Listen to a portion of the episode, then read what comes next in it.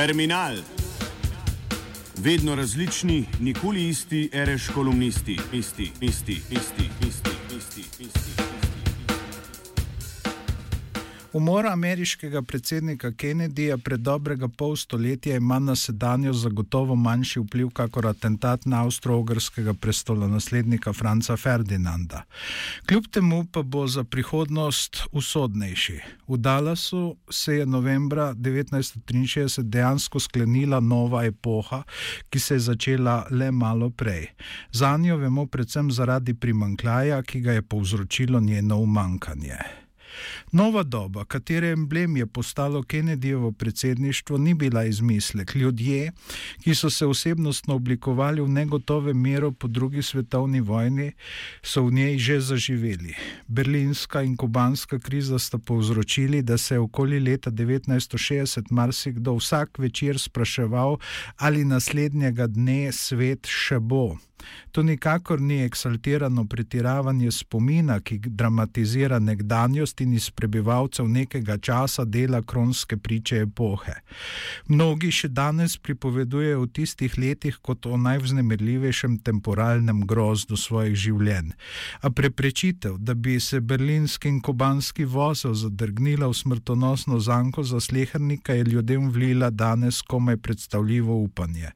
Tam, kjer sta politična logika, in matematika povojnega sveta predvidevali trg vzhoda in zahoda, se je pojavila misel na konvergenčno usmerjenost v prihodnost. Njen temelj bi lahko postali gospodarska rast in modernizacija oba procesa pa bi pospeševala medsebojna tekmovalnost med različnimi redi in sistemi. Kennedyjeva napoved premika k še neslutenim mejam na demokratski predsedniški konvenciji sredi julija 1960 in naznanilo prehoda v veliko novo dobo v San Antonijo novembra 1963 sta bila razumljena kot mnogo več od zgolj obeta da bo zmenek z usodo za povojne generacije drugačen od tistega, ki ga je junija 1936 napovedal Franklin Roosevelt. Zdaj bi moralo iti do cela zares. Vsem zmaga, ki so jo zabeležili američani Rooseveltove generacije in njihovi zavezniki v drugi svetovni vojni, je namreč kljub velikim naporom od ljudi in svobode odvrnila le del nevarnosti.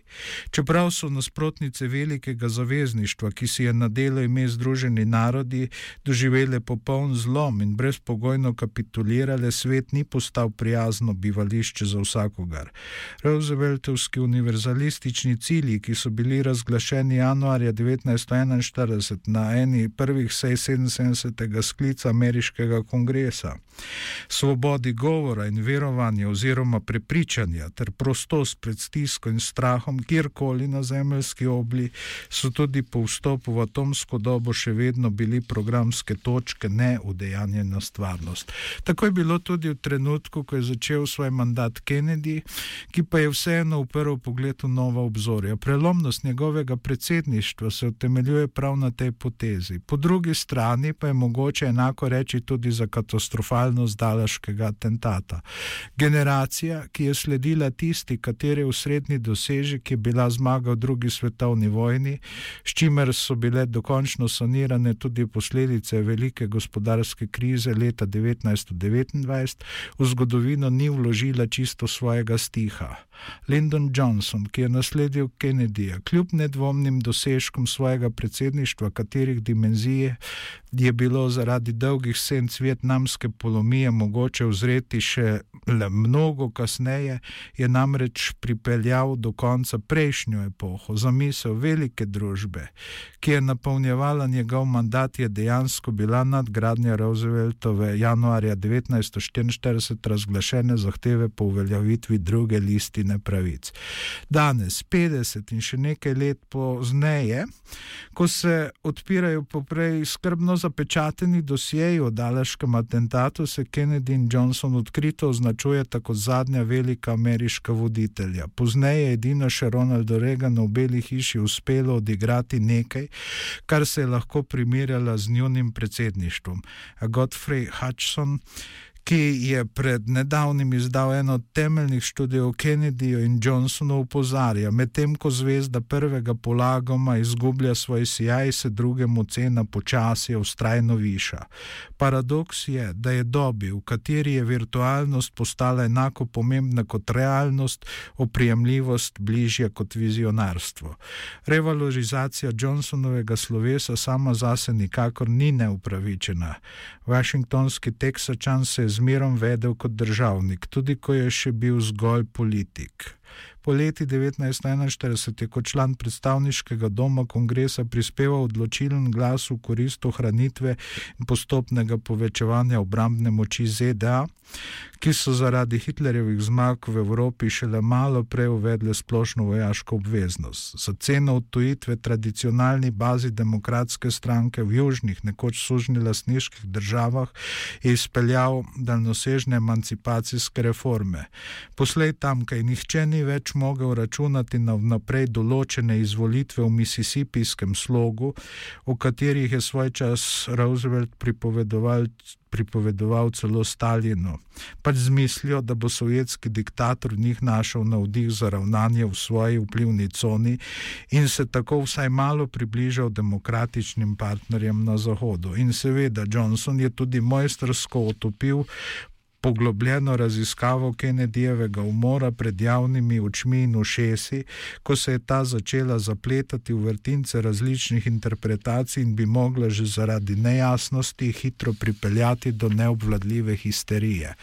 Lee Harvey Oswald, ki je bil kmalo povezan z daležkim atentatom, namreč ni bil samo nekdani marinec, temveč tudi bivši prebivalec Sovjetske zveze. To je odpiralo vrata številnim teorijam o upletenosti slednje v smrt predsednika Kennedyja.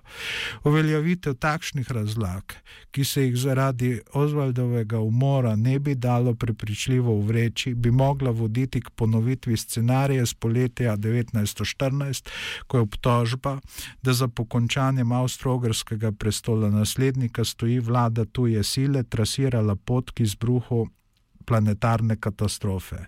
Johnson je z zaupanjem pretresa atentata na Kennedyja nekoč politično ambicioznemu šefu vrhovnega sodišča Erlo Warnu. Leta 1936 je bil celo med republikanskimi kandidati za predsednika, poskrbel za relativno dolgo preiskavo, ki je njenim rezultatom odbila sleherno nevarno želo in onemogočila naglo reagiranje pod vtisom takšnih ali drugačnih razborljivih vesti. Zato je v očeh rojakov čez časov veljal za najmanj nerodneža, če že ne za sumljivega beneficijenta odstranitve svojega predsedniškega predhodnika. To, da možnost svetovne katastrofe zaradi te zadeve je le bila sneta z dnevnega reda. Res pa je, da sta tako svet kot Johnson plačala veliko posredno ceno za to. V vietnamski vojni, ki že v Kennedyjevih časih ni bila neznaten spopad, novi voditelj ni smel popuščati, če si ni hotel pridobiti uničujočega slovesa političnega mlačneža. Ta pa bi mu tudi onemogočala uveljavitev projektov iz okvira velike družbe. 50 in še nekaj let po Kennedyjevi smrti smo tako v marsičem še vedno v stanju izteka minule epohe. Tako pa ni le v Ameriki. Ljudje, ki so napovedovali novo veliko dobo, so povsod doživeli neuspeh. V Nemčiji je Ludvik Erhard sicer botroval po vojnemu gospodarskemu čudežu, njegovo kanclerstvo pa je ostalo zgolj med igra. Na zadnje so se krščansko-demokratski prvaki domislili celo za uničujočega vprašanja ali sploh član njihove stranke, na kar se je izkazalo, da ni. Na čelu vlade so potem raje videli spretnega žonglerja oziroma reševalca vsakodnevnih vprašanj Kurta Georga Kizingerja, ki ni bil sposoben sklepati samo sedajniških kompromisov socialdemokrati, temveč je imel za seboj tudi prilagoditev nacističnemu režimu, za kar se je novembra 19, si je novembra 1968 prislužil krepko klofuto Beate Klarsfeld. Pa tudi na rdeči poluti je velika nova doba odpadla. Celo kitajski krmarji, ki so od njenih prebivalcev najspretnejši, le sledijo Marksovi misli, da je zgolj iz zahodnjaškega vojaškega produkcijskega načina mogoče preiti v komunizem, zaradi česar pač delajo globalno, kar mislijo lokalno. Epoha, v katero je svet vodil Kennedy, je tako še vedno odrinjena v prihodnost in morda bo za zmerom ostalo tako. Terminal je pripravil Igor Gardina.